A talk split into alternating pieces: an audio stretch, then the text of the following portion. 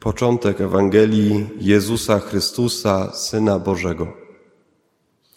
Jak jest napisane u proroka Izajasza, oto ja posyłam wysłańca mego przed Tobą, On przygotuje drogę Twoją. Głos wołającego na pustyni, przygotujcie drogę Panu, prostujcie dla Niego ścieżki. Wystąpił Jan Chrzciciel na pustyni, i głosił chrzest nawrócenia na odpuszczenie grzechów.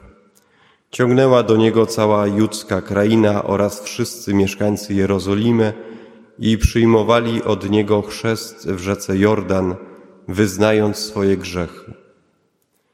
Jan nosił odzienie z sierści wielbłądziej i pas skórzany około bioder, a żywił się szarańczą i miodem leśnym i tak głosił – Idzie za mną mocniejszy ode mnie, a ja nie jestem godzien, aby schyliwszy się, rozwiązać rzemyk u jego sandałów. Ja chrzciłem was wodą, on zaś chrzcić was będzie Duchem Świętym.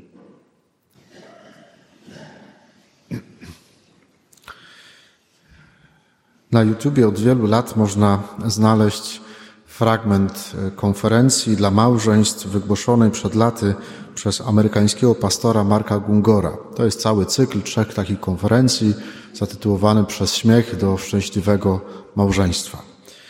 E, I ten fragment, o którym e, mówię, to jest fragment, który można znaleźć pod takim tytułem Czym się różni mózg mężczyzny od mózgu kobiety, albo inaczej bajka o dwóch mózgach. Bardzo gorąco Was zachęcam do tego, żeby sobie zajrzeć e, do tego e, na YouTube'a, obejrzeć sobie ten fragmencik. To jest chyba 13 minut, więc naprawdę e, bardzo zacne, a cały, też, cały ten cykl tych trzech konferencji też jest naprawdę świetny. Jeśli byłaby taka Wasza wola, to możemy kiedyś obejrzeć, bo mamy wszystkie na płytach, więc warto.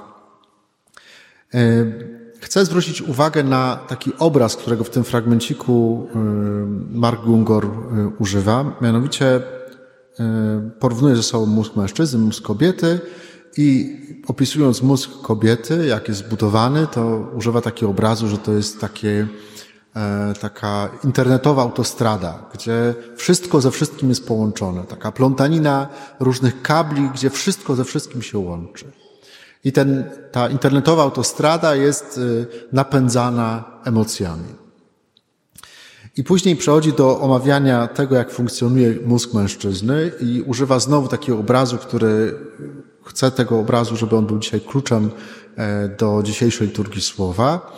E, mianowicie mówi, że mózg mężczyzny jest zbudowany całkowicie inaczej niż mózg kobiety. Składa się z pudełek.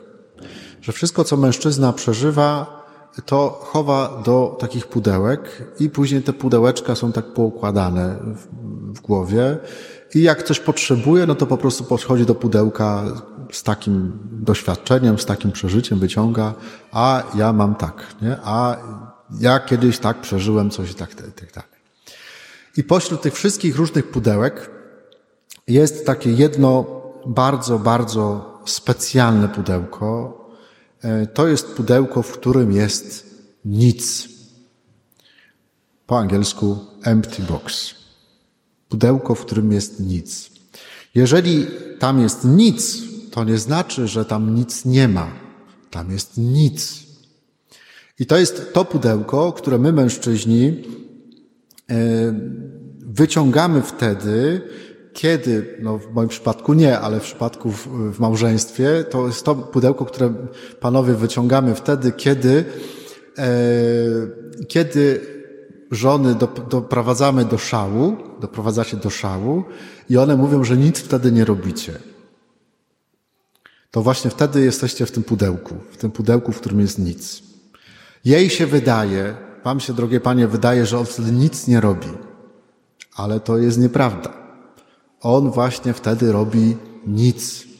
A to nie jest to samo, co jakby nic nie robił. To są dwie różne rzeczywistości. Więc chciałbym, żeby nam zostało to, y, to pudełko nicości w głowie. Bo ono, jak właśnie jako klucz do dzisiejszej liturgii słowa. Za chwilę sobie do tego empty boxu y, wrócimy. Dzisiejszą liturgię słowa otwiera przepiękny fragment rozpoczynający drugą część księgi proroka Izajasza. Co to jest za e, część w tej księgi? Bardzo ważna, inaczej nazywana księgą pocieszenia. Dlatego ta, ten fragment się zaczyna od tego wezwania: pocieszajcie, pocieszajcie mój lud. Dlaczego ten lud trzeba pocieszać? Dlatego, że ten lud znajduje się w niewoli babilońskiej od wielu, wielu lat i powoli zaczyna tracić nadzieję. I Pan Bóg posyła do tych ludzi, do tego narodu wybranego w niewoli babilońskiej, posyła proroka Izajasza z takim orędziem nadziei. Mówi, wasza niewola powoli dobiega końca. Jeszcze chwila i przyjdę i was z tej niewoli wyciągnę. I tak jak e, objawiłem swoją moc, kiedy wyprowadziłem waszych przodków z niewoli egipskiej, przeprowadziłem przez pustynię do ziemi obiecanej, tak teraz przyjdę do was przez pustynię i znowu na pustyni objawi się moja chwała. Dam wam nowe życie, wrócicie do ziemi obiecanej. Po latach te, z naszej perspektywy chrześcijańskiej, wiele z tych zapowiedzi, które, które padają właśnie w tej drugiej części, my odnosimy jako zapowiedź Pana Jezusa, Zbawiciela, ale też jako zapowiedź czasów mesjańskich, czasów ostatecznych to tutaj w tej drugiej części się pojawia ten obraz uczty, o którym słyszeliśmy, że Pan przygotuje w tych czasach ucztę na górze. To właśnie tutaj są te wszystkie obrazy, które mówią o ponownym przyjściu Pana Jezusa. Ale wróćmy do tego fragmentu. Izajasz idzie do tych ludzi i mówi: Pan Bóg was wyzwoli z tej niewoli. Ale jest jakby w cudzysłowie jeden warunek. Mówi tak. Drogę Panu przygotujcie na pustyni, wyrównajcie na pustkowiu gościniec dla naszego Boga. Niech się podniosą do, wszystkie doliny, a wszystkie góry i pagórki obniżą. Równiną niechaj się staną urwiska, a strome zbocza niziną. Kiedy to się wydarzy, mówi Izajasz, to wtedy się chwała Pańska objawi, razem ją każdy człowiek zobaczy, bo usta Pańskie to powiedziały. Niezwykły obraz. Ci z nas, którzy mieli okazję być w Ziemi Świętej, nie wiem jak dla Was, ale dla mnie za każdym razem jednym z najbardziej przejmujących momentów tej pielgrzymki do Ziemi Świętej jest to, jak e, jedziemy na pustynię judzką. Pustynia judzka to, nie wiem, ja nawet na, na tapecie w telefonie swoim mam zdjęcie z pustyni judzkiej. To jest niesamowite, na mnie osobiście robi wrażenie. To nie jest, jak nam się wydaje, morze piachu. Ta pustynia judzka jest pustynią skalną, kamienistą. Jest pełna różnych wzniesień i bardzo głębokich wykrotów. Jest poszarpana wręcz różnymi dolinami. I to jest ta pustynia, przez którą Izraelici kroczyli przez 40 lat. E, jak tam człowiek jest na tej pustyni, to właśnie o wyrównaniu tych pagórków, i zasypaniu tych dolin, tych dziur, tych ogromnych, czasami niezwykle głębokich dziur, przepaści wręcz, mówi dzisiaj Izajasz. Właśnie ta pustynia ma zostać wyrównana. O czym mówi Izajasz? Mówi do Izraelitów, usuńcie, po co mówi im, zasypcie te, te, te, te dziury, wyrównajcie te pagórki. O czym on mówi? Mówi, usuńcie wszystko, co będzie przeszkadzać w waszym spotkaniu z Bogiem. Usuńcie wszystko w waszym życiu, co mogłoby być takim, takim, taką dziurą albo takim pagórkiem, przez który Bóg nie będzie się mógł z tobą spotkać. Warto popatrzeć na ten obraz bardzo symbolicznie. Co, co w naszym życiu może być taką przeszkodą dla Pana Boga? Nasze grzechy. Te nasze grzechy nas oddzielają nie tylko od Pana Boga, one nas oddzielają od siebie. Czasami po wielu, wielu latach jakichś niesnasek, jakichś kłótni, to dosłownie wręcz między nami są wykopane różne przepaści. To mogą być góry pieniędzy, które chcemy zarobić, ale one nas będą tak naprawdę zamiast przybliżać do drugiego człowieka, to będą nas od niego oddalać. To może być nasza praca, to może być mnóstwo różnych rzeczy, które w naszym życiu są i nas oddzielają od Pana Boga. I Pan Bóg nam mówi na początku Adwentu, dzisiaj bardzo krótki Adwent, właściwie na półmetku nawet Adwentu, Pan Bóg nam mówi, słuchaj, zasyp to wszystko. Pozbądź się tego wszystkiego, co przeszkadza w moim spotkaniu z Tobą. Odrzuć to, odsuń to wszystko, przygotuj dla mnie drogę w Twoim życiu, żebym mógł się z Tobą spotkać, bo ja chcę się z Tobą spotkać. Y, to jest właśnie ten empty box, ten pusty, pusty, to puste pudełko. Pan Bóg mówi: zrób w Twoim sercu, w Twoim życiu, w Twojej codzienności takie puste pudełko, taką przestrzeń pustą, w której ja mógłbym się z Tobą spotkać, do której będziesz mógł wejść nie po to, żeby uciec od świata, tylko po to, żeby mnie tam spotkać. Zobaczcie, jak to bardzo nie spina się z naszym przeżywaniem Adwentu. Bo nasze przeżywanie Adwentu, nie wiem jak wasze, ale moje y, proboszczowskie wygląda tak, że zamiast odsuwać te rzeczy, które mnie odsuwają, y, które mnie przeszkadzają w spotkaniu z Panem Bogiem, to pod pozorem przygotowania do Śląsk, y, do Śląsk, do świąt, pod pozorem przygotowania do świąt, to ja sobie jeszcze dokładam różne rzeczy, tak? A tu choinki zamów, tu jeszcze opłatki, tu świece, tu, tu dekoracje na święta, tu i mnóstwo różnych rzeczy. I myślę, że każdy z nas w tym miejscu, w którym jest, ma bardzo podobnie ten, ten adwent przeżywa.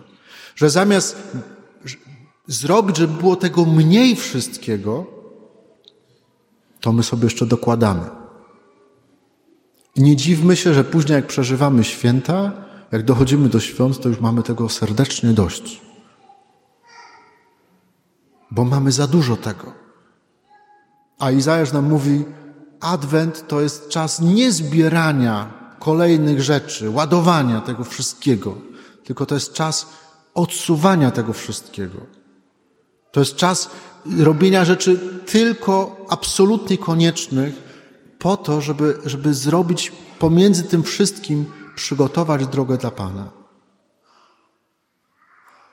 Czy mam w moim życiu, tutaj i teraz, w mojej codzienności, czy mam taką przestrzeń w ciągu dnia, w której mogę się spotkać z Panem?